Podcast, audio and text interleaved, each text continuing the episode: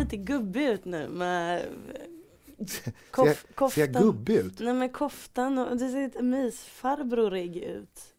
Jag vet inte. Det är någonting med koftan och brallorna tillsammans som liksom Jag- är lite farfar på något vis. Nej inte farfar, farbror.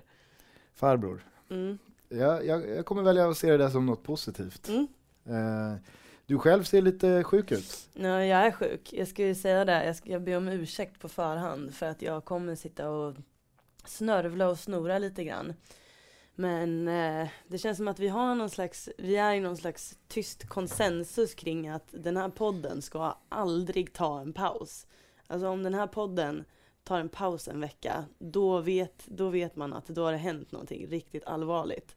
För att du, har, du var sjuk en gång sen vi drog igång och så nu är jag sjuk och du var semester, på semester i Spanien någon vecka och fotbollssäsongen är över och sådär. Men the show must go on. Och eftersom att den måste det så får man också stå ut med att det låter lite så här ibland också. Show Must Go On är ju hämtat från eh, Queens bejublade låt Mm, med, med, med samma namn. Som alltså släpptes efter att Freddie Mercury dog. mm. Jag får lite vibbar här av att du har planer på att bunkra upp med eh, FBTB-avsnitt. Så att trots ett dödsfall skulle kunna inträffa så skulle podden tuffa vidare i all oändlighet. Men ska vi inte skaffa oss en liten buffert? Alltså, det det, är ju inte oavsett. en helt dum idé alltså. Nej, det har jag tänkt föreslå oavsett för att det Mm. kommer vi nog behöva i vinter när man eh, kanske ska ta lite ledigt och eh, Mm. göra något kul. Fira jul till exempel. Ja, och istället för att spela in från en skakig lina i, eh, på, på Bosna i Degerfors där du sitter och tar din lilla julesup. Ta med, käka julbord där, ja ja. Ja, så eh, blir det nog bättre ifall vi har då en, en liten buffert som vi kan ja, eh, hämta avsnitt från. Mm, Eh, vi, vi ska även bara braska lite lite för att eh, det kan låta av lite så borrar och skit i Mm. bakgrunden. Det är sånt där man inte hör när man spelar in men Mm. som man som lyssnare hör. Mm. Eh, det, det byggs om och renoveras en hel del på det hotellet som ligger vägg i vägg med eh, våra lokaler här. Så att, eh, ha översikt med det gärna. Men välkomna till FBTB avsnitt 13. Otursavsnittet. Slå ett slag för mig med Slå ett slag för mig med För alla tysta tårar Och oss miljoner dårar Slå ett slag för oss med Varför eh, otursavsnitt? Nej, nummer 13. Jag är sjuk. Är du vidskeplig? Nej, det är klart jag inte är. Men, så du, du, du har aldrig tänkt så här, oh shit, där gjorde, där gjorde mål-Otto mål i den minuten eller eh, för att det hände eller idag vann vi den här matchen för att jag hade den här tröjan på mig eller sånt där.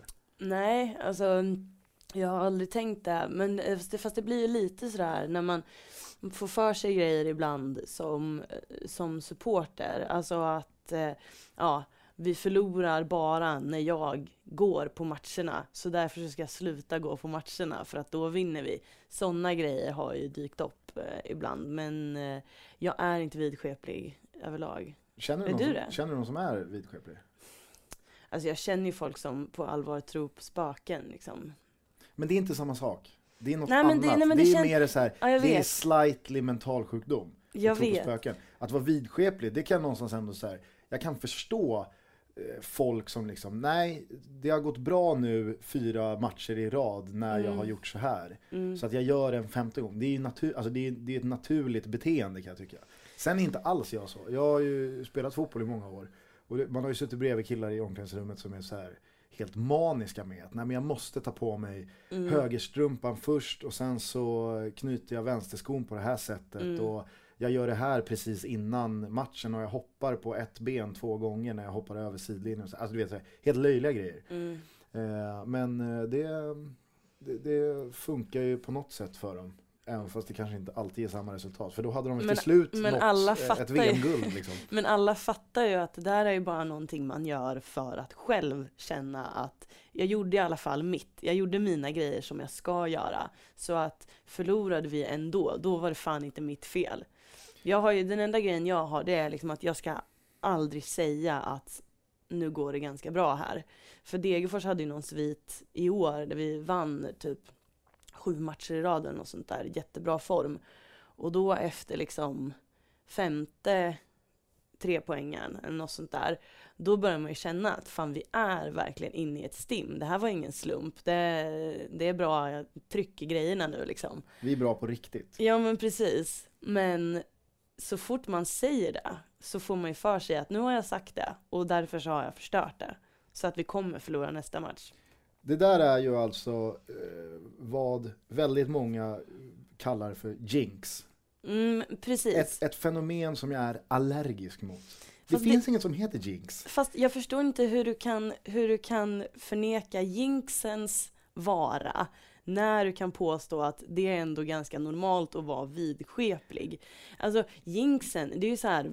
Eh, det, ja, det, det är ju superkorkat. Det är ju så här, snarare så är det ju så att man tänker att, ja men okej, nu när vi har vunnit sju matcher på raken, då är det ju bara på ren sannolikhet så måste vi typ förlora nästa match även om vi spelar ganska bra. Det kommer vara stolpe ut i den åttonde matchen för att det inte är rimligt att vinna åtta matcher i rad.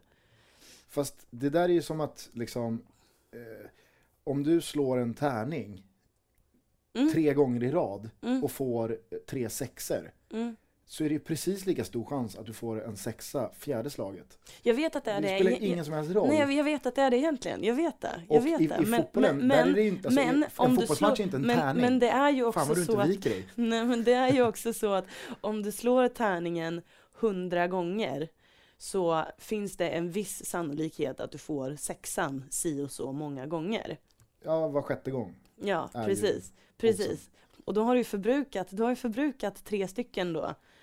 Om, om du, när du ska slå en fjärde gång. Ja, fast det där tror jag inte alls på. Jag, jag tror på att, ja men det är väl klart att det är nollställt även efter tredje slaget. Du, kan, du, har, du har en sjättedels chans att Jag slå en sexa. Jag Så vet det. Men, men jag vet- ville bara säga det att jag, du fick det att låta som att jag någonstans eh, uppar och står bakom vidskeplighet eh, men blir förbannad på jinxar.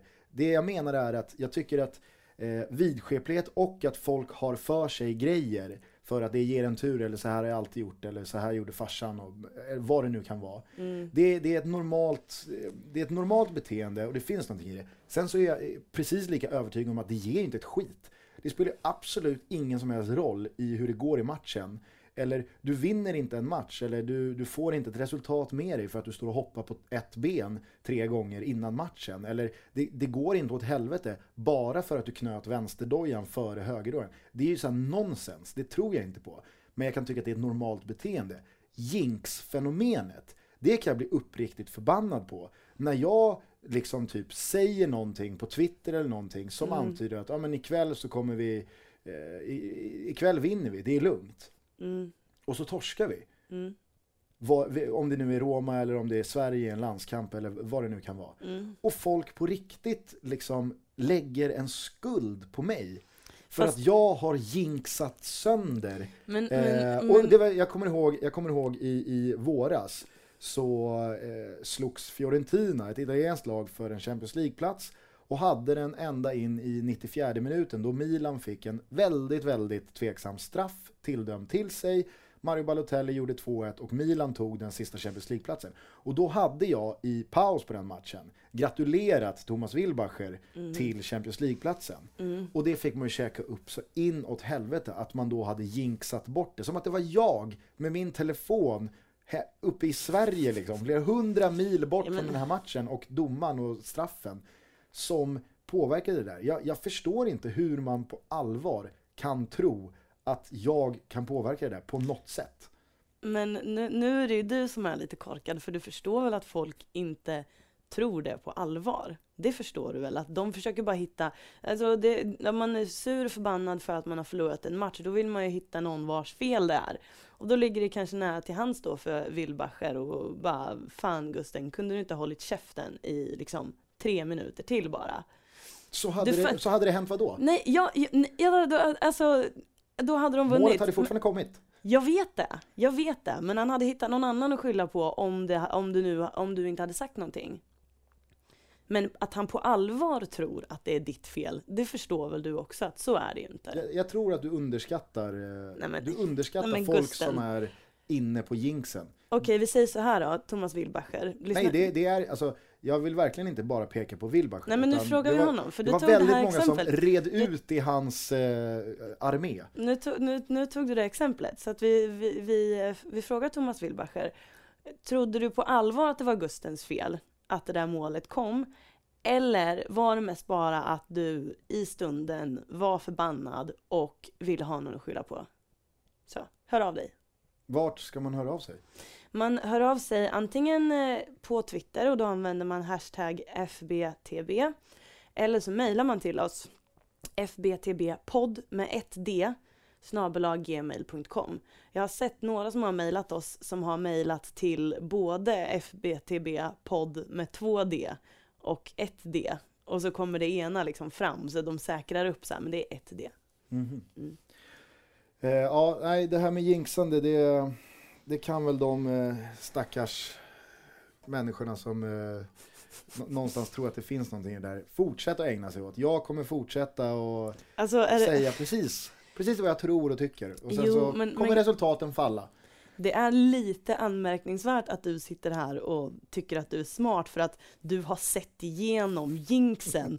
Hörni, det är faktiskt inte så. Man kan inte påverka genom att skriva någonting på Twitter. Eh, jag tror faktiskt att du är, eh, du är med, du, du tenderar att alltid ta den utvägen som landar i någon slags hån gentemot mig. Nej. Snarare än att se på saker klart och tydligt. För det, fin- det har till och med gått så långt att folk håller på och anti-jinxar. Och ännu sjukare det är folk som håller samma på och mekanism bakom det.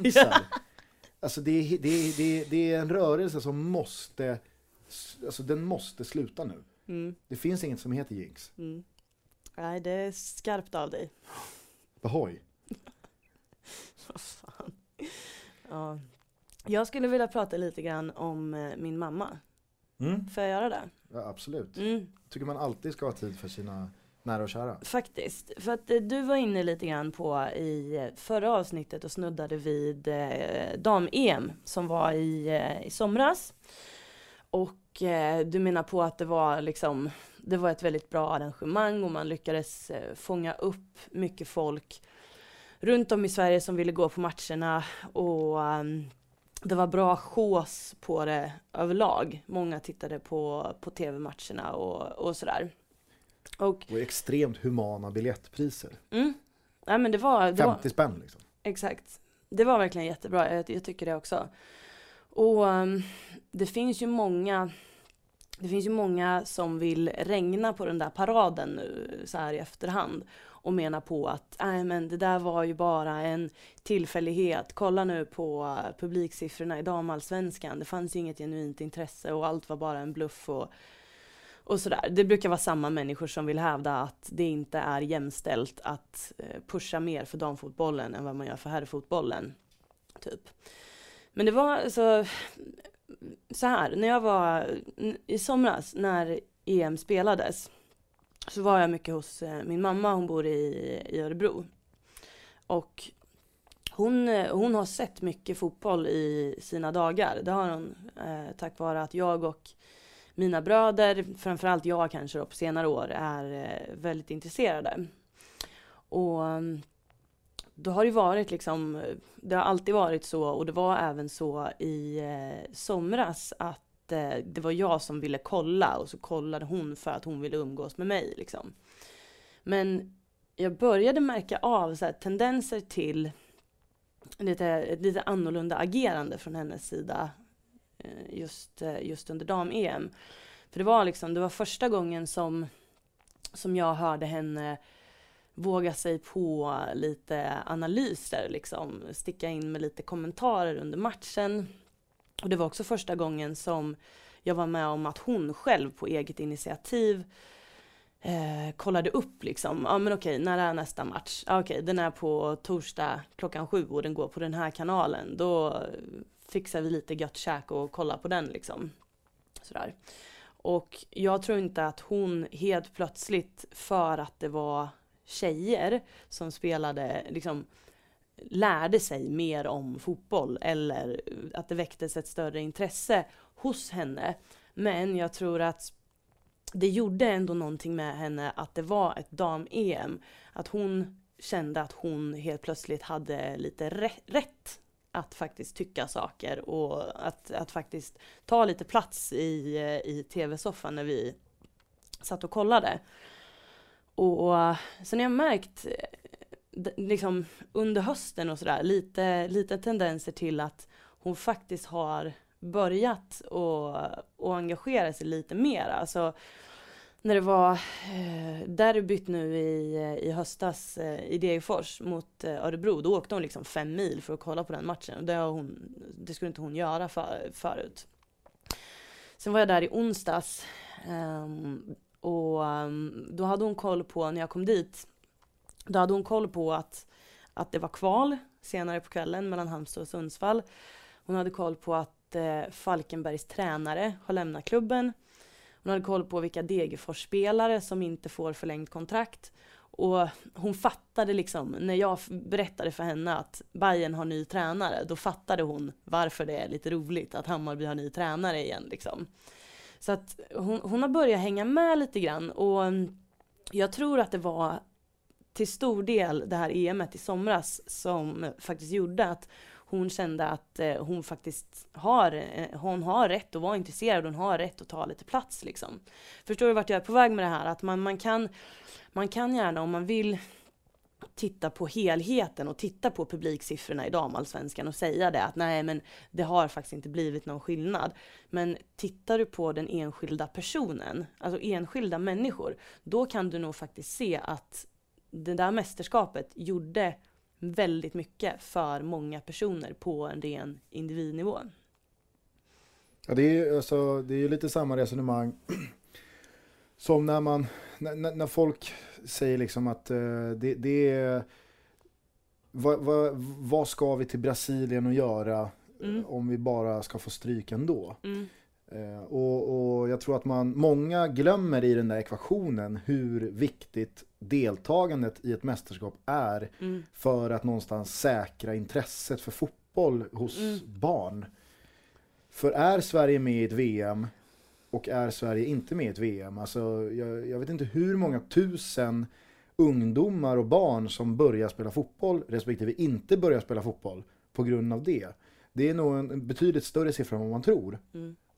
Och det där är exakt samma mekanismer. Att när det liksom syns där och när det finns där och när det som du säger känns mera tillgängligt och nära de som kanske har sett sig utanför tidigare. Så är det klart att det, det spiller över på, på, på dem och man inviger så att säga nya personer i, i fotbolls-Sverige. Mm. Eh, var, du, var du klar? Ja. Jag, jag brände till, det brände till lite där när du sa det där om Bayern. För jag tycker det är kul. Eh, om, om, om vi nu tar din mamma som, eh, hon får liksom vara arketypen för någon som är liksom helt ointresserad av fotboll och så tar man stegen in i fotbollens värld. Mm. Och nu säger du att hon har koll på vilka spelare i Degerfors som inte får förlängt kontrakt. Mm. Nu är det, det finns ju en tydlig koppling i det i och med mm. att liksom, ja, hennes och dina band till Degerfors och Absolut. den lokala närheten och sådär. Självklart. Men det är ju det är ändå en, det är en del på steg, alltså det, det, är ett steg på stegen som är ganska långt ifrån att inte kunna offside. Typ. Mm. Men att lära sig att det svänger om Bajen, mm. bara den korta grejen. Liksom, ja just det, det svänger om Bajen. När skulle du säga att den kommer i inlärningsprocessen? Om du tänker dig lärandet av fotboll mm. som skolgången. Mm. Där eh, 11 mot 11 och eh, att det är 90 minuter man spelar, det är liksom förskolan. Mm. och eh, vi säger att, eh, ja men du vet de, de falsk, att spela med en falsk nia är Mm. att ta studenten. Mm. När, när får du lära dig att det svänger om Bayern? Ja, det är ju, det är lågstadiet åtminstone. Det är det ju. Men det, det, det känns som en sån, eh, sån eh, grej som man lär sig när man börjar sätta sig in i fenomenet svensk fotboll. Och hur, hur eh, medlem, alltså vad heter det, föreningsdemokratin och hela den biten funkar. När man får en förståelse för den och kanske lite grann läser in sig på historien i, i de olika klubbarna. Då har man nog Bayern i, i ett nötskal tror jag. Men det är ändå intressant att just den aspekten, alltså att det Mm. svänger om Bayern. Bayern är lite så här loser-gänget med ja, men skit i tabellen, Bayern är bäst ändå och så Mm. vidare. Så Det känns som att på ett nationellt stadie så Mm. kommer de liksom klyschorna och den faktan inom citationstecken Mm, ganska tidigt. mm, Och det är inte så många andra klubbar som har någon slags nationellt eh, rykte. Förstår du vad jag vill Nej, komma? ja, ja, oh ja. Och det, Oh är- ja. det, är- det är spännande. Mm. Vad beror det på tror du? Jag vet inte, den har, ju, den har ju vuxit sig så himla stark och det känns som att Hammarbyare själva omfamnar den liksom och identifierar sig ganska gärna med att vara underdog-gänget. Och då späs det väl på och i, i tider när vi har Twitter, min mamma har ju också Twitter, så att hon har ju koll på hur folk pratar om, om olika klubbar. Då är det nog inte så, så svårtillgängligt, det ligger nog inte speciellt långt borta att förstå hur, hur den vanliga bayern supporten tänker och hur den vanliga vem som helst tänker om Bayern. Det tror jag inte. Nej. Nej, för jag kan ju känna så här att trots att man har liksom varit hur intresserad som helst av fotboll i, i princip hela sitt liv Mm. så finns det ju en rad klubbar som aldrig någonstans gör något avtryck på mig, alltså som når mig med någon slags identitet eller Nej. information eller någon känsla. Nej. Alltså för mig är, eh, för mig är eh, öster, det är bara öster. Det är liksom, det är inget annat än öster. Jag, jag vet liksom inte vad, vad är östers grej? Vad är deras, vad är deras konsensus? Bayern har någon, åker upp till Jämtland. Mm. Det, alltså folk har ju säkert klart för sig vad, vad Bayern är. Mm. Och minst lika intressant är ju att det som en gång i tiden utgjorde liksom grundsegmentet i Det svänger om Bayern, det var väl lite så här klacksparkar och Mm.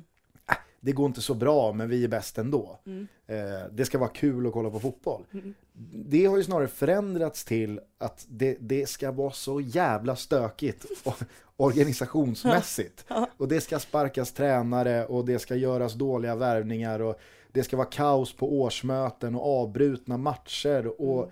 du vet, nu har det blivit det svänger om Mm. Bayern-epitetet.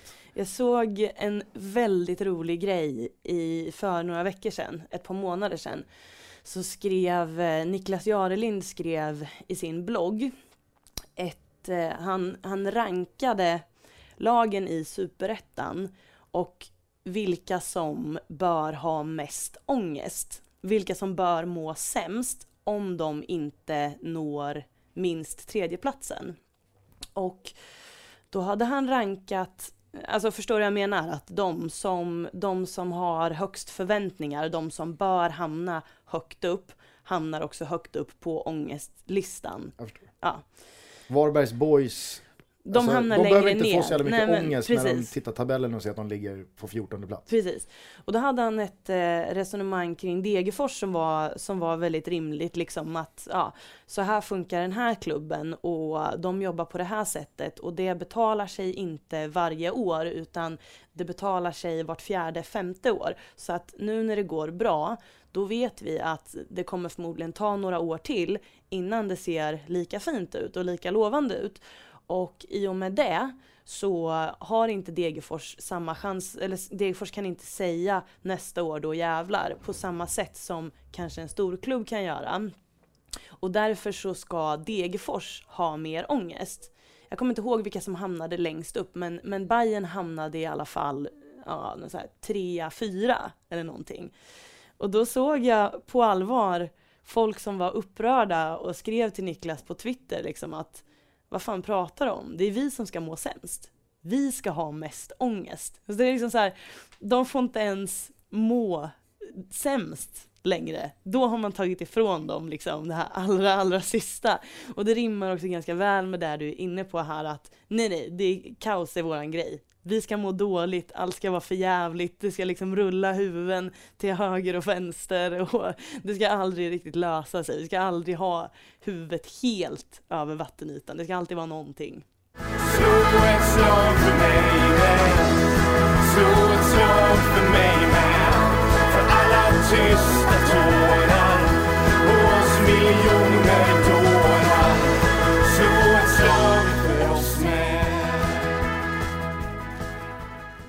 Steget eh, rent diskussionsmässigt därifrån till det faktum att Nanne Bergstrand och Mats Jingblad har klivit in i, i Hammarby är ju inte då så Mm. långt. Nej. Vad, vad, eh, vi hann ju spela in senaste avsnittet innan det förkunnades, Mm. ska sägas. Om nu någon undrade varför vi inte pratade om det i senaste avsnittet. Det här offentliggjordes ju på onsdag eftermiddag och vi hade spelat in under tisdagen. Mm. Så att, eh, det, det, var, det var inte så lätt för oss att veta. Nej. Men nu är Nanne Bergstrand eh, klar för Bayern som tränare och han tar med sig sin gamla lumparpolare, Ja, fick vi alla höra. Mats Jingblad som sportchef. man älskar att de gjorde lumpen ihop. Ja. Eh, återigen, gjorde- gjorde återigen du så är det ju väldigt Bayernskt. Ja, ja, men, Alltså, men, men gjorde du lumpen? Nej, jag vapenvägrar. Ja, okej. Okej. Ja, men eh, Jag alltså, tycker, jag tycker, eh, om vi bara ett kort stickspår, så Mm. jag, jag, jag, jag tycker att Sverige kan lägga ner hela sitt försvar. okej, Det är, det är helt meningslöst Mm. ändå. okej. Så att, ja, tillbaka till Nanne Ja. och Gingan. Typ Gingan. Det, Han um, måste ju bli kallad Gingan. Det är ju ett jätte, alltså det är ett härligt smeknamn. Gingan. Gingan. Ja, det kanske blir det. Nanne är gjutet.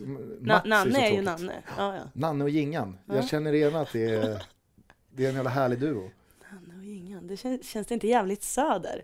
Jo, det är ju perfekt. Nanne och Gingan. Det- Nanne och Gingan är på kvarnen.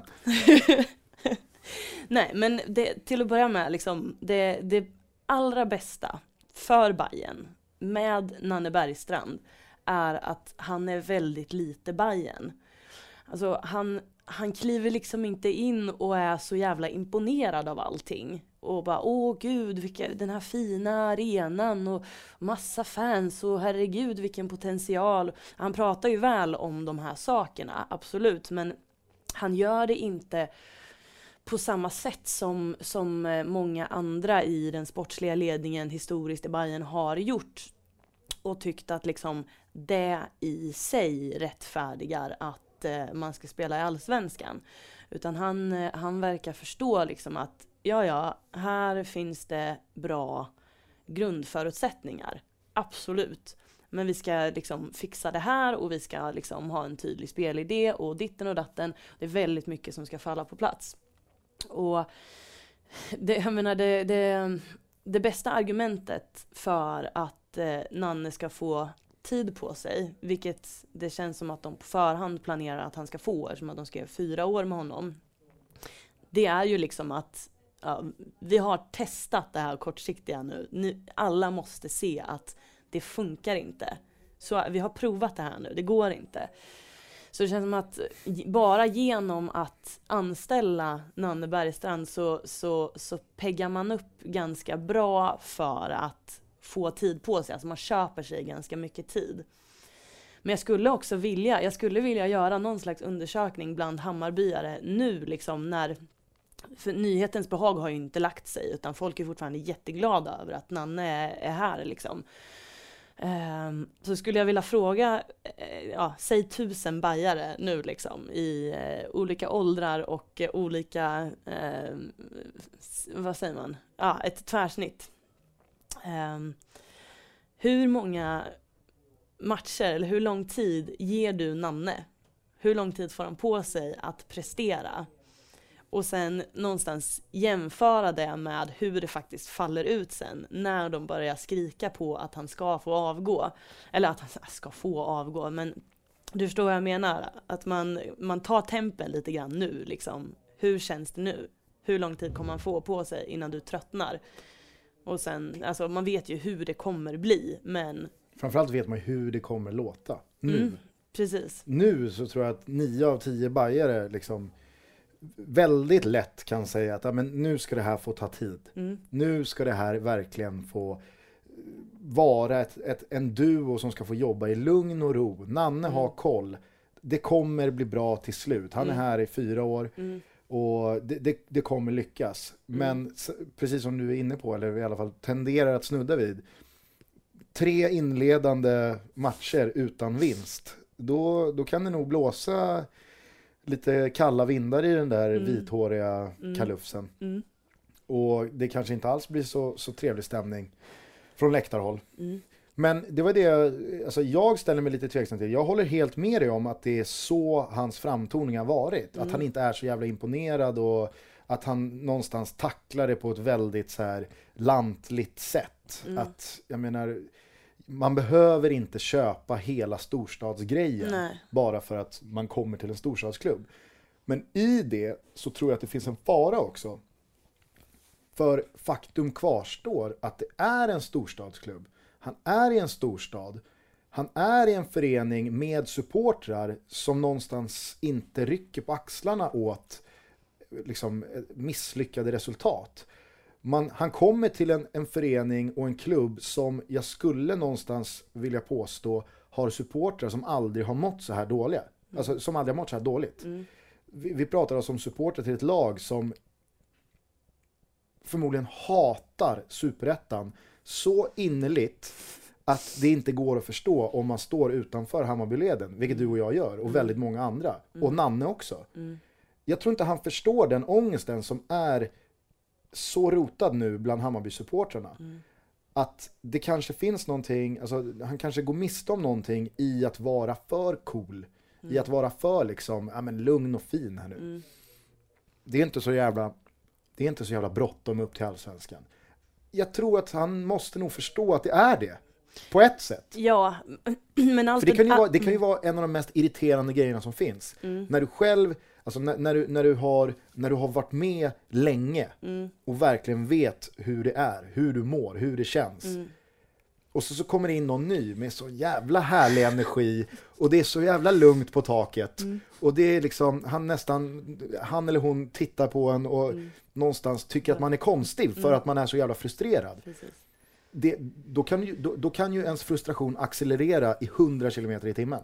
Men det där, jag, jag tror att allt det där kommer ju landa, för han, han kommer ju eh, han kommer ju leva och verka och äta och sova i bayern världen nu.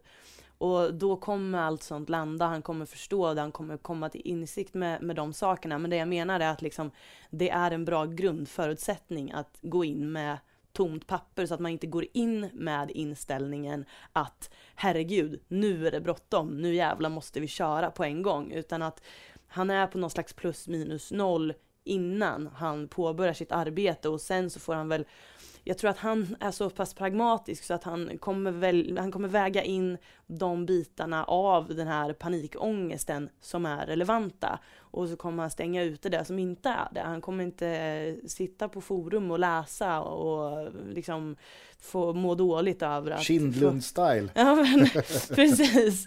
Ja ja, men du förstår vad jag menar. Att det, det är bara väldigt sunt att när han tar klivet in så har han liksom inte hunnit påverkas speciellt mycket av ja, den allmänna liksom paniken som råder.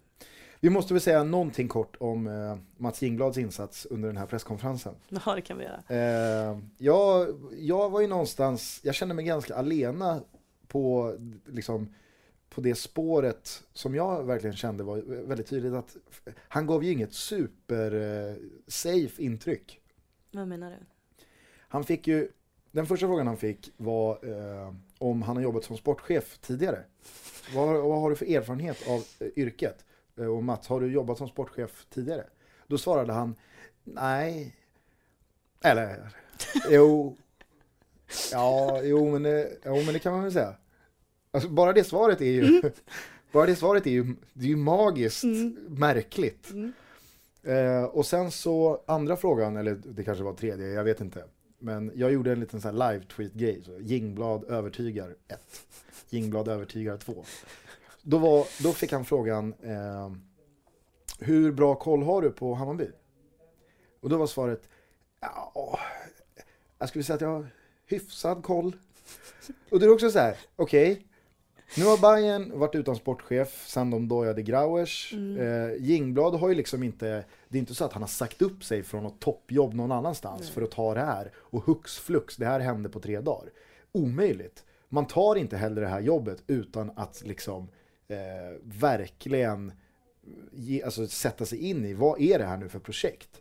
För är det, liksom, är, det, är det någon instans i fotbollssverige som man vet att det blåser och stormar i så är det ju Hammarby. Det, det, det kan man inte ha undgått om man har verkat i fotbollssverige de senaste fem åren.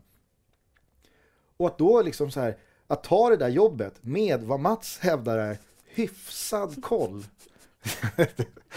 jag var helt så här, men hur kan ingen ställa, för jag satt och följde den här presskonferensen via datorn. Så jag var inte själv där. Hade jag varit där, då hade jag fan räckt upp handen och bara, men vad då hyfsad koll? Du kan väl för fan inte ta sportchefsjobbet i Bayern med hyfsad koll?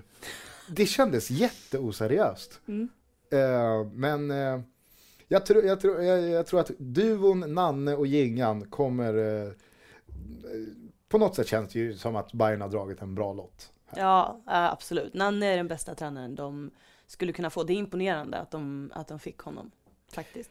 När vi ändå är inne på Bayern, är, är du klar med Nanne och Gingan? Ja, Men När vi ändå är inne på och pratar om Bayern så har vi ju, eh, vi har en tävling den här veckan. ja Mm. det har vi. För att jag fick eh, en, eh, jag fick en present på posten som jag tänkte att jag skulle passa vidare. Det är en bok som heter Jag hör till de få som kan leva. Och den är skriven av Katarina Kvick. Jag vet inte, säger man Kvick? För jag kan inte uttala det där efternamnet, kolla här. Utan att det blir liksom Quick. kuk. Kvick. Det blir liksom kuk, Kuk. kuk på gotländska. Kuk. Kuk. Ja, hur säger man då? Katarina Nej, Kvick. jag- Vi jag säger säga Katarina Kvick. Kvick. Ja.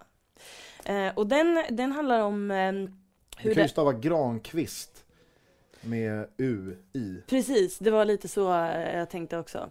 Men det, det känns som att den kommer väldigt rätt i tiden. Alltså det har ju varit ett stort eh, supporterår i år. Med eh, polisnoterna och 51%-regeln och Päron. maskeringsdebatter och allt vad det nu har varit, arenabyten. och så Päron. vidare och så vidare. Päron. Ja. Men, och den här, den här boken den eh, följer 30 stycken eh, olika Hammarby-supportrar under 30 matcher. Så det är alltså säsongen 2012 som avverkas i den här boken. Och jag började läsa lite i den igår. Den var jätte, jättetrevlig. Eh, men jag tror att den gör sig bättre i eh, i händerna på en eh, Hammarbyare. Är man jätteintresserad av eh, supporterkultur så, eh, så uppskattar man den nog oavsett. Eh, Men jag kände att den här ska, den här ska vidare till en Hammarbyare. Eh, så mm, vi tävlar ut den Ja, här och nu i eh, FBTB och så får man hämta den eh, i eh, Jarlahuset där fan-tv-kontoret ligger. ligger. Har du en fråga? Annars har jag en ganska bra fråga. Jag, jag tänkte, ja men har du en bra fråga så, så kan vi ta den. Ja, vi, vi tävlade ju ut i FBTBs namn biljetter till Bayerns sista hemmamatch. Mm. Med frågan hur ska vi hat? Mm. Och då det tänkte jag, det var en jättebra fråga. Mm. Eh, att då Hammarby-supportrar skulle fatta att ja, men liksom, vi ska ta hat. Eh, så den frågan är förbrukad. Jag ska säga Men den jaha, jag fattade den tävlingen som att man skulle hitta på ett alternativt svar. Nej, nej. nej. Till, nej. Okej. Eh, hur som helst, frågan som man ska svara på för att vinna den här eh, boken, Jag hör till de få som kan leva. Eh, det är helt enkelt, vilken är den kända Hammarby-supporten Gustav Jelins favoritpizza? Det är en, en, en knepig fråga. Jag kan svaret. Ja, men säg det inte. Nej, men då har vi också diskvalificerat eh, Gustav Gelin ur den här tävlingen. Men jag tror att han har ett exemplar för att han är nämligen en av supportrarna som, eh, som porträtteras i den här boken. Så att han har förmodligen eh, redan en sån här i hyllan. Så att eh, håll dig undan Gustav Julin. Fortsätt äta dina pizzor du. Mm. Eh, skriv in rätt svar till fbtbpodd.gmail.com så kan den här fantastiska boken bli din. Slå ett slag för mig med Slå ett slag för mig med För alla tysta tårar Och oss miljoner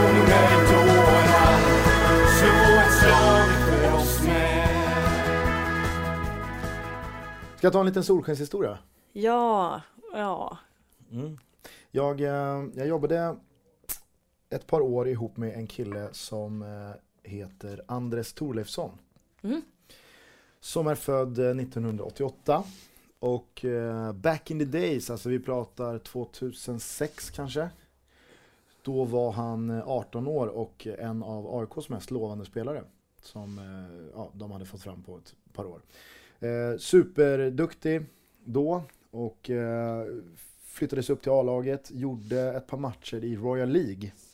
Om du minns den gamla fadästurneringen. ja. Sen så skulle han stå på tillväxt i eh, Väsby innan det var dags att liksom, ja, han skulle lägga på sig eh, lite erfarenhet där innan han kunde ta steget upp till, till AIKs A-lag på riktigt så att säga. Så han gjorde två säsonger i Väsby, gjorde det jättebra. Superlovande. Sen så började hans ljumskar krångla. Eh, vilket ledde till att han till slut, eh, 2010, efter liksom ett och ett halvt, två år av rehab, eh, la ner. Han kände att nej men det, jag orkar inte längre, det går inte. Och då var han alltså 22 bast. Men i samma veva då så kontaktade Riala, hans modeförening. moderförening, en fin liten klubb som eh, ligger ovanför Norrtälje. Kanske, vad kan det vara, ett, eh, 8-9 mil norr om Mm. Stockholm. Eller något. Om folk vill pinpointa det geografiskt. Eh, och de ringde i alla fall upp och de visste att så här, ah, men vad fan du, du har eh, Vi vet att du vill spela fotboll och vi vet att det är tufft nu liksom. Och de låg i division 5 då. Mm. Och så var det någon ungdomsledare som hade haft Andres då som nu hade A-laget. Så de gjorde en liten deal med Andres att du behöver inte träna. Men spela bara matcherna med oss. För de visste liksom att han är så jävla bra att han kan komma hit och utan träning göra det skitbra. Sen så var det väl en liten sudd pengar emellan för att han skulle orka pendla upp till Riala och spela de här matcherna. Men det var liksom inte det som var viktigt utan han kunde i alla fall få spela fotboll. Så då spelade han eh, med Riala säsongen eh, 2011. Och eh, gjorde på 20 matcher någonting 48 mål eller sånt där. Alltså vet, han bara, det var så här löjligt. Mm. Vi jobbade upp under den här tiden och så var det så här, ah, men jag hade match i- igår. Ja, hur gick det? Ah, men vi vann med 7-1. Ja, hur många mål gjorde du? Ah, men 6. Varje match var det så. liksom. Mm. Han bara öste in mål och då kände man så här, visst det är division 5. Men jag som ändå har spelat ganska många år på division 2, 3 och 4 nivå. Mestadels division 3 nivå. Vet att du kan möta ett division 5-lag i en träningsmatch. Och jag menar, så länge det är 11 spelare som är intresserade av att springa och kämpa och slita så är det inte bara du promenerar inte genom ett sånt lag bara sådär. Och det har alltid, oavsett nivå, varit, alltså det är en konstform att göra mål. Det är inte Mm. alla som gör mål. Så att oavsett om det är Champions League, Allsvenskan eller Division 5, gör du 48 mål på 21 matcher, det är liksom, det är någonting. Mm. Alltså att han eh, körde på där för att ljumskarna kändes av och efter för många matcher och så, här så fick han lite ont. Så, så att eh, det, det hände liksom ingenting till 2012 utan han trummade på i 2012 och då var det division, fortfarande division 5. Och det var ju samma sak då. På 22 matcher till det året så gjorde han 44 mål. Så du vet på drygt 40 matcher så hade han gjort 100 mål i division 5. Eh, för en klubb utan att träna. Så i slutet på 2012, då, för ett år sedan, så började han känna att nu känns det bra i ljumskarna. Eh, så att han gick till sin eh, läkare eller naprapat eller vem det nu var han gick till, sjukgymnast. Och till slut så blev han då friskförklarad. Nej men nu, nu är fan dina ljumskar bra. De har mått bra av att inte ha tränat på två år. Så att eh, då kände han att okej, nu jag ska fylla 25, alltså i år 2013. Och då är man ju, herregud, då är man ju inte ung Mm. eh, som fotbollsspelare. I synnerhet inte om man är på division 5-nivå som eh, 25-åring. Men då i alla fall så kände jag att nej, men jag har en satsning till i mig. För att han visste ju att han har någonting. det kan gå. Så att han eh, kontaktade och signades av BKV Norrtälje. Som eh, spelar i division 3 och som satsade väldigt mycket på att gå upp i år. Eh, så de knöt upp Andres och de visste väl någonstans att här finns det potential. Men det är ändå en kille som har varit skadad i flera år och spelat utan träning i division 5. Så de visste ju inte riktigt vad, vad, vad de hade att vänta sig. Jag var ju tränare för Bollstanäs och vi låg i samma serie i år. Så att det gjorde att man höll lite extra kontakt med Andres under året. Liksom. Och till nu under 2013 så har inte vi jobbat ihop heller längre. Det var ett par år sedan vi gjorde det. Men vi har behållit kontakten och snackat vidare. Så. Efter sju matcher i division 3 i år, sex kanske det var, så hade han gjort 14 mål. Eh, och det ska sägas att den här killen är liksom, han har allting. Han är 1,90, det är 84-85 kilo bara muskler. Han springer som jag vet inte vad. Han skjuter som en häst med båda fötterna. Han är smart, han är ödmjuk, han har en bra skalle, han vet när han ska passa, han vet när han ska skjuta. Alltså han är, han är jag känner det, det här är, det, han är färdig. Det här är en bra jävla fotbollsspelare. Och han ska inte spela division 3. Så jag snackade med honom efter, efter vi hade mötts och han hade gjort tre mål mot oss. Eh, och jag hade, jag hade snackat innan matchen och sa jag ingen jävla hattrick. Nej så här var det, jag sa ingen jävla hattrick idag. Så gjorde han fyra. eh, och eh, så då, då pratade vi i alla fall matchen och då sa jag så här, hörru vad fan, hur tänker du? Det är ju bråttom här nu liksom. Vi har ju pratat förut i Viktor Sköld... Eh, klockan tickar. Att klockan tickar. Mm. Jag sa det till honom, det är ju bråttom om du ska någonstans. Mm. Ska, jag, ska jag försöka dra i några trådar? Ja men fan gör det, sa han. Liksom. Han hade väl ingenting att torska på det. Så jag ringde en agent som jag känner bra och sa att eh, du, jag ringer ju väldigt sällan dig för att berätta om en spelare som är bra.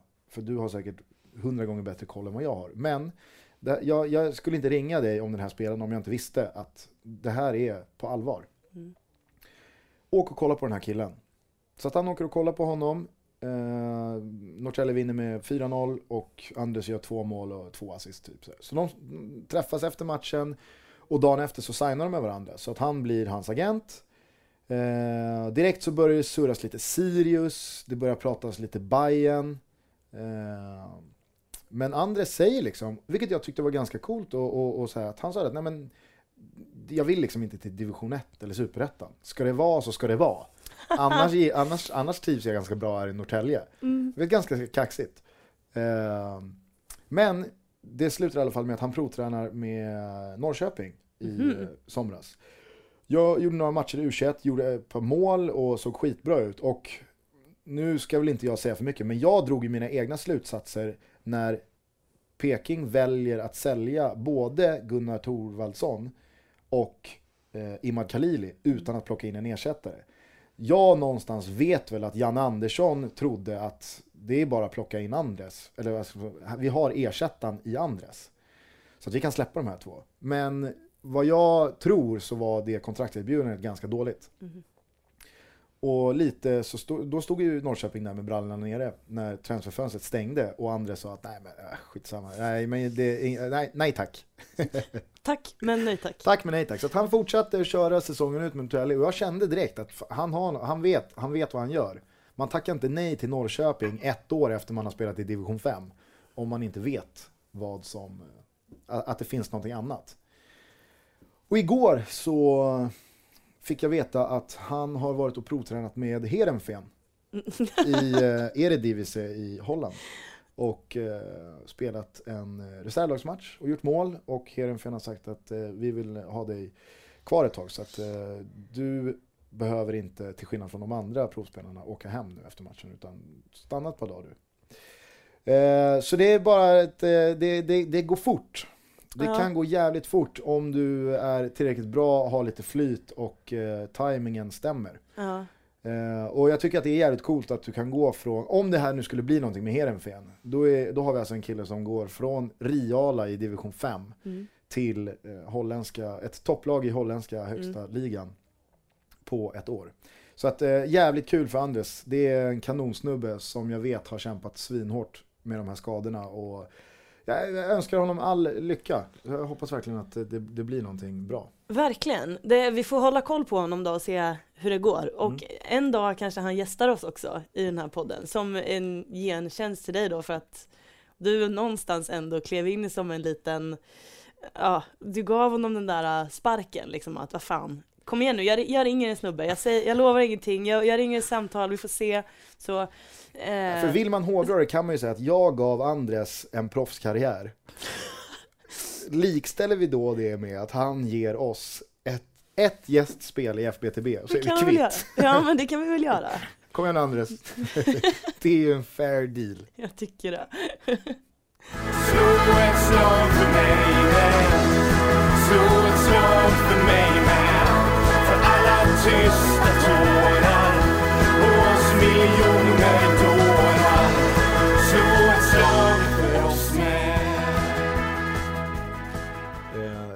ska, vi eh, Ska vi beta av eh, fotbollsskalan?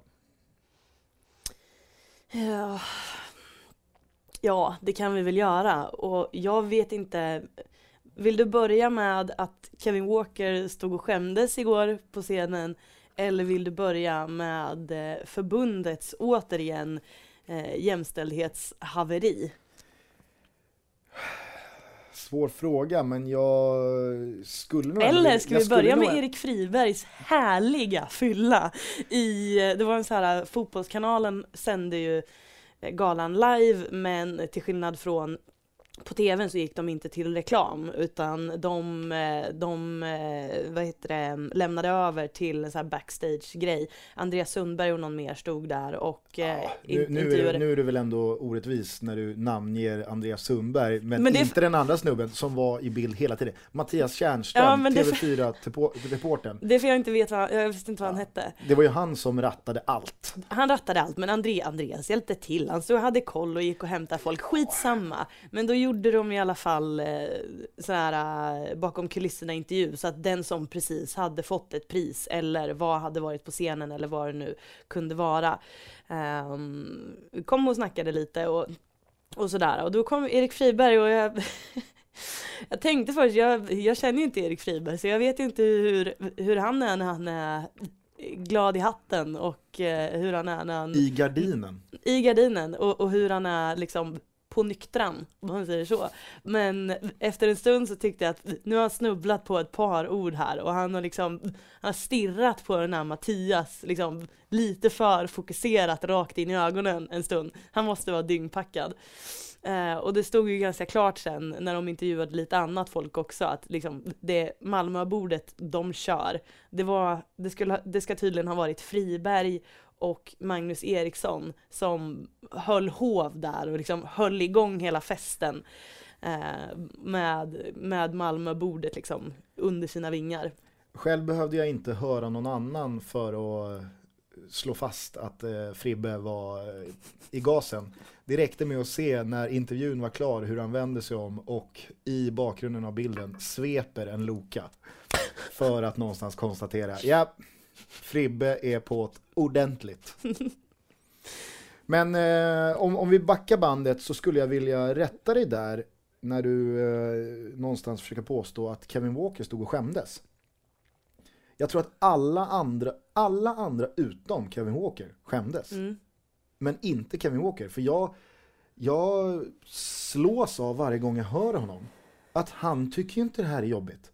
Han tycker ju inte det här är jobbigt för fem öre. Han tycker ju det här bara är kul. Han stod och ler med hela ansiktet i den här, för han stod ju och träffade Mattias Tjärnström efter Idolernas framträdande också. Mm, mm. Och han, han stod ju lös. Alltså det var ju världens lyckligaste människa.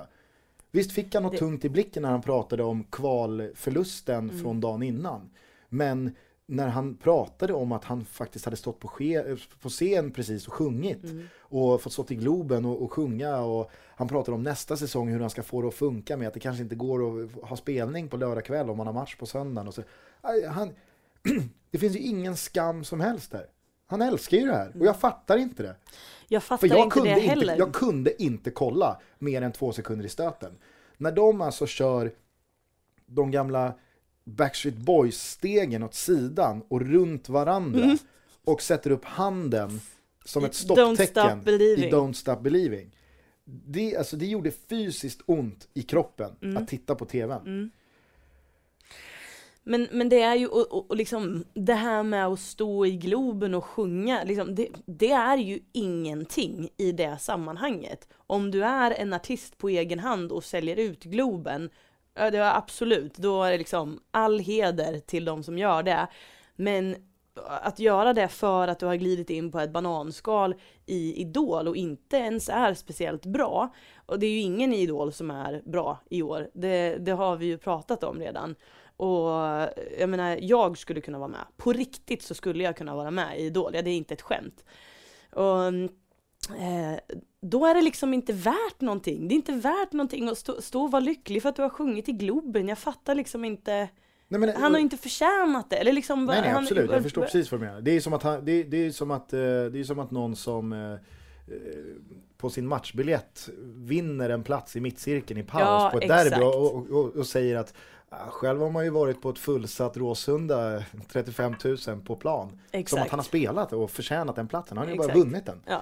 Eh, men om vi bara går tillbaka till den här intervjun så säger han att "Ja, det var så jävla kul att stå på scenen och sjunga och titta ut och se spelare och ledare man känner. Mm. Ja, som, känner som man har spelat. Oj, men det det är var så här, det. hur, kan, hur kan man inte bara...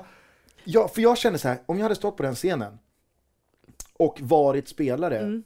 och, och någonstans uppträtt för de här människorna, jag hade känt så här, åh nej, titta inte på mig, döm mig inte. Ja, nej, jag, men jag, exakt, jag vet, jag exakt, vet, jag exakt. måste stå här, men kom igen för fan, jag är också en fotbollsspelare.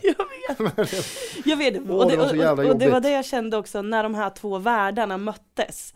Att det blev så jävla jobbigt. Att det blev, för det har ju varit så, det har varit så mycket snack om det här och det har skrivits om det liksom varenda vecka om att det har flyttat matcher och det har flyttats liksom flygplans avgångstider har flyttats för att han ska kunna göra båda grejerna och, och det är det ena med det andra och sådär. Och, och då känns det som att när, när Kevin Walker står där och sjunger för sina fotbollskollegor, då känns det som att han någonstans säger det är det här allt surret har handlat om. Och det är jättedåligt. Exakt. Och då blir det liksom, det blir som att brallorna dras ner på hela den här karusellen liksom att jaha, är det det här allt fass har varit about liksom? Men ska vi kanske, har du en veckans öskåre som eh, du verkligen vill dela ut? Ja. ja okej. Ja, du kommer förstå Nej, men jag varför. tänkte ifall vi skulle switcha, för att jag, jag vill verkligen ge en pungspark eller en musspark på den personen som ligger bakom koreografin i det här bedrövliga medlet. Men om du får- För att det är så här. okej att de kör, det är TV4, de kör sin så här, ja men det är så mycket bättre artister och det är Idol, och, ja, skitsamma. Men då får, ska man ha en koreografi, Mm. då får det vara bättre än en så kallad promenad som Mm. den redan omnämnde Thomas Wilbacher kallade det på Twitter igår. Eh, några steg i sidled runt varandra Mm. och en stopphand när det är Don't Stop Believing. Mm. That's it. Då är det så här, herregud, det är ingen jävla klassens timme det här i någon gymnastiksal. Nej. V- Hur kan man så här, ja men fan, där, där har vi koreografin. Promenad, sidstep, stopp. Kan alla det?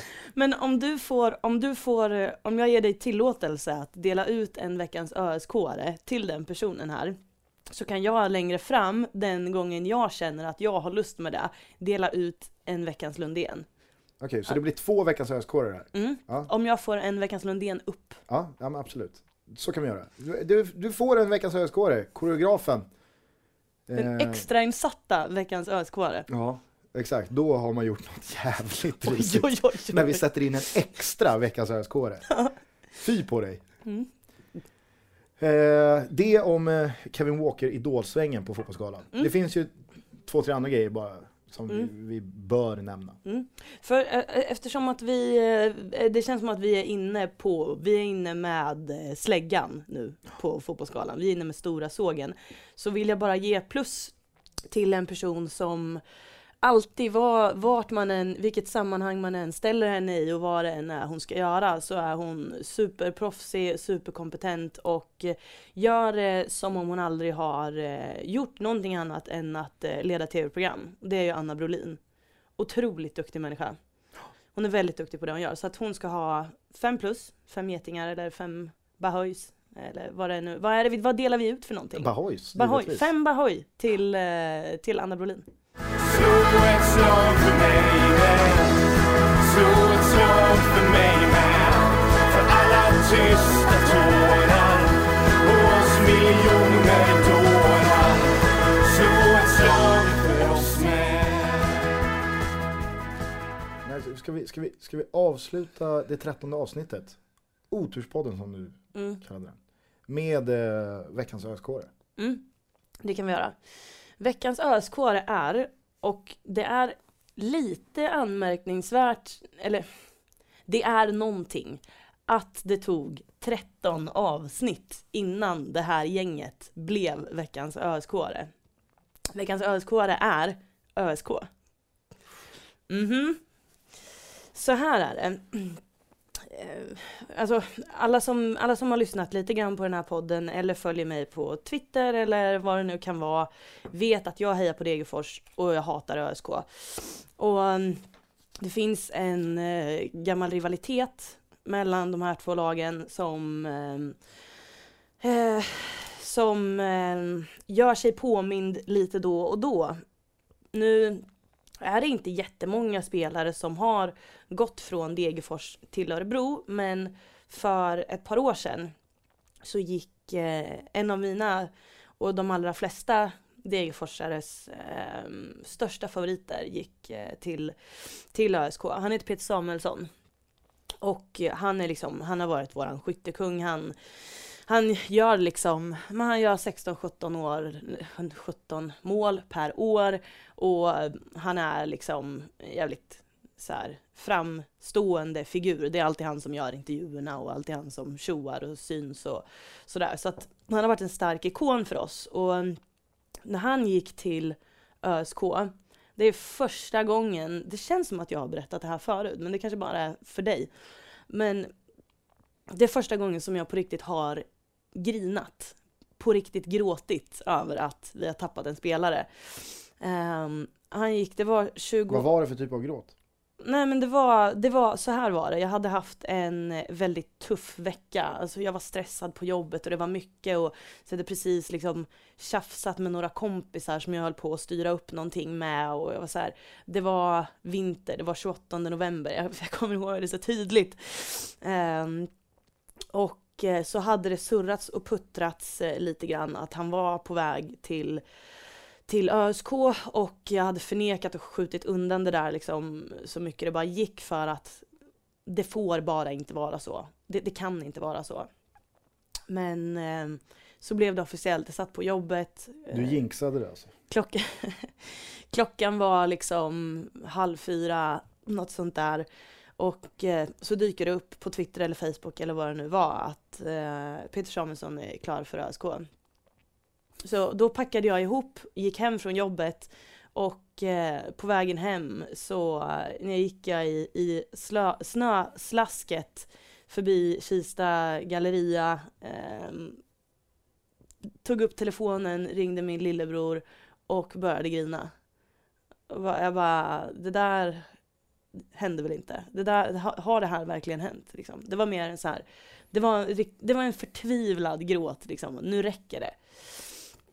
Eh, och ehm, under, liksom, i exakt samma veva, under samma, samma spann, alltså en, samma spann av en vecka kanske, så blev också Kristoffer Viktorsson, en, eh, en back eh, från Degerfors, blev också klar för, för ÖSK.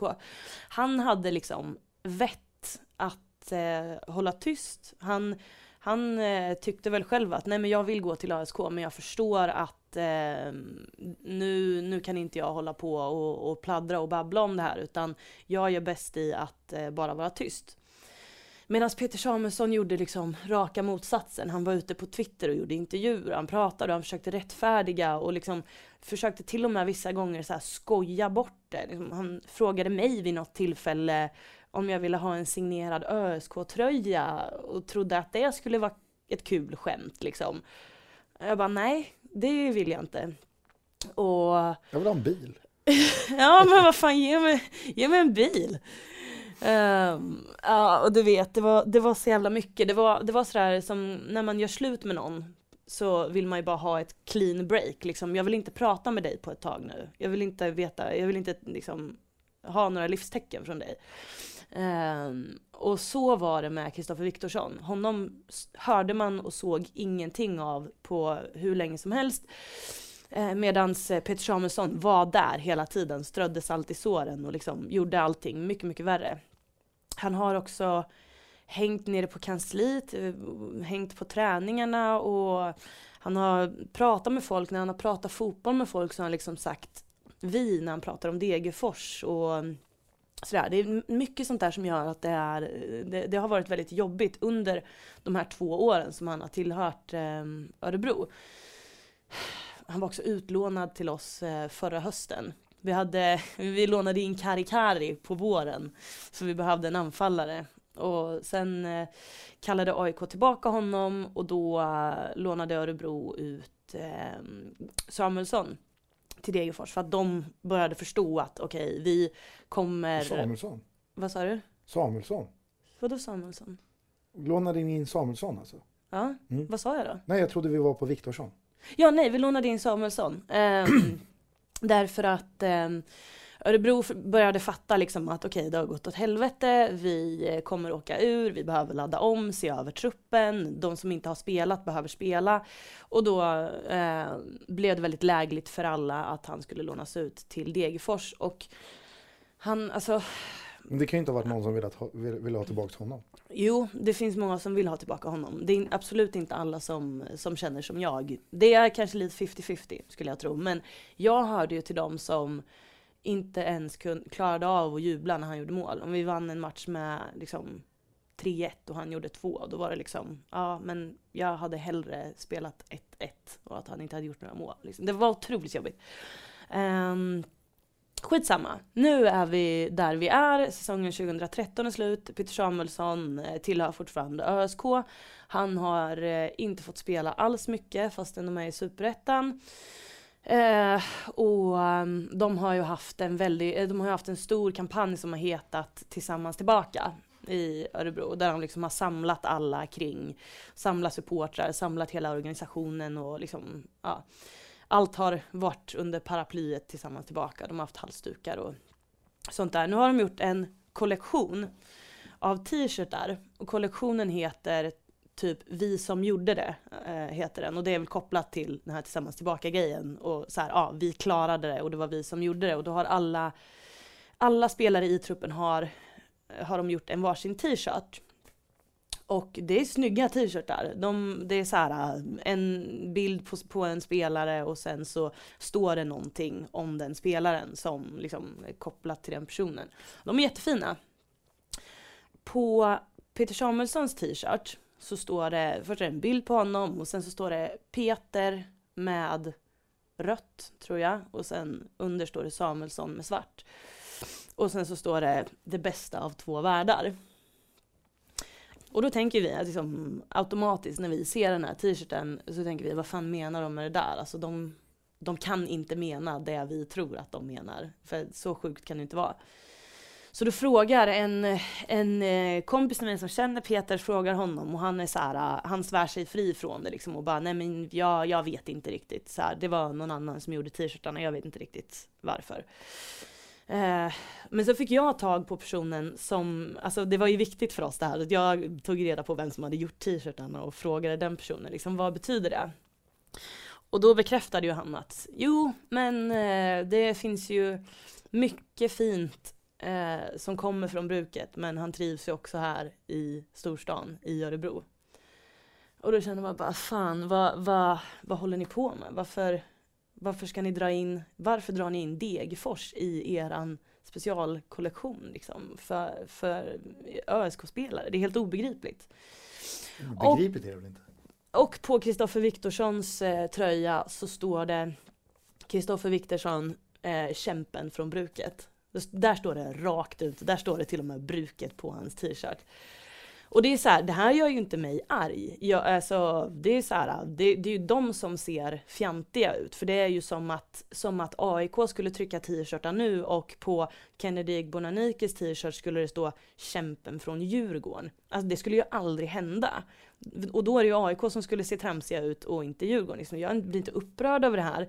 Jag har bara svårt att fatta liksom. Jag förstår inte. Var, varför? Var, alltså, varför vill de ens att liksom, blanda in Degerfors i det där? Det är jättekonstigt.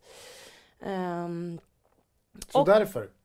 Så därför, du vill verkligen att du, jag, jag rappar upp det här nu? Ja det börjar bli dags. Mm, du, du ser alltid jävligt, jag, jag ser alltid på dig när du tycker att jag pratar för länge. Men det här var viktigt för mig. För, ja, den första Eh, första historiska veckans ösk som går till ÖSK går till ÖSK för deras obegripliga kollektion eh, t-shirtar.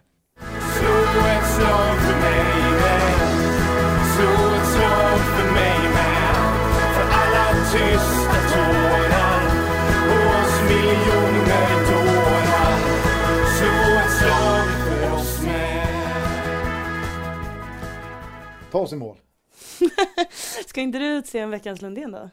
Ja, men jag bytte ut min veckans Lundén. Jag bytte in Jaha. den. Jag pantsatte veckans Lundén. Jaha. Mot att få dela ut en extrainsatt veckans öskåre. Det fattar inte jag. Det är men, så du också får göra. Men okej, då, då säger vi så. Jag ska åka hem och eh, sova nu. För att jag har feber och jag mår verkligen inte bra. Men hör av er om det är någonting. Framförallt om ni vill vinna boken Jag hör till de få som kan leva. Och ni hör med fördel av er på Twitter under hashtag FBTB eller på mail fbtbpodd@gmail.com. Det är en grym värld vi lever i, eller hur? Så är det. Mm. Så är det. Och Så... skit ska skit ha. Ja. Och det svänger om Bajen. Ja. Och, och vi ska säga det, men, det, men... det, är ett par som har mejlat in förslag på ämnen och, och sådär. Och vi läser de mejlen och vi eh, tar dem i beaktning och det är säkert många av de mejlen som kommer mm. eh, ja, sätta sin prägel på framtida avsnitt. Så fortsätt mejla in sådana mejl, fortsätt mejla in förslag på eh, gäster ni kanske vill höra oss bjuda in. Mm. Det tycker vi skulle vara kul. Det kom ett mejl eh, häromdagen från en kille som ville att vi skulle avslöja vad det var jag tyckte att podden skulle heta. Och då, det där har inte jag tänkt på på jättelänge och så nu, nu känner jag liksom när han påminde mig om det, då, då, då skämdes jag lite för att jag, jag inser ju så här i efterhand att det var fan inget, det var inget bra namn. Nej. Det var verkligen inte ett bra namn. Det, det, det, det kändes bra då, men det var ju ingenting jag satt och funderade på länge och bara så här, och så här ska det heta. Jag, jag, jag kom på det på uppstuds och skickade det till dig på en gång och du dyngsågade det. På uppstuds? Jag, jag för, ja, jag förstår, jag förstår att du gjorde det. Jag, jag verkligen det. Så att, men, men det där, du tar, du tar den med dig i graven, hoppas jag. Jag trodde vi skulle säga det. Nej, nej Aha. absolut inte. Okay. Nej, nej det, näst, kanske nästa gång vi är fulla i podden. Vilket, kommer, vilket aldrig kommer att hända. Nothing but a... Ah! Hold din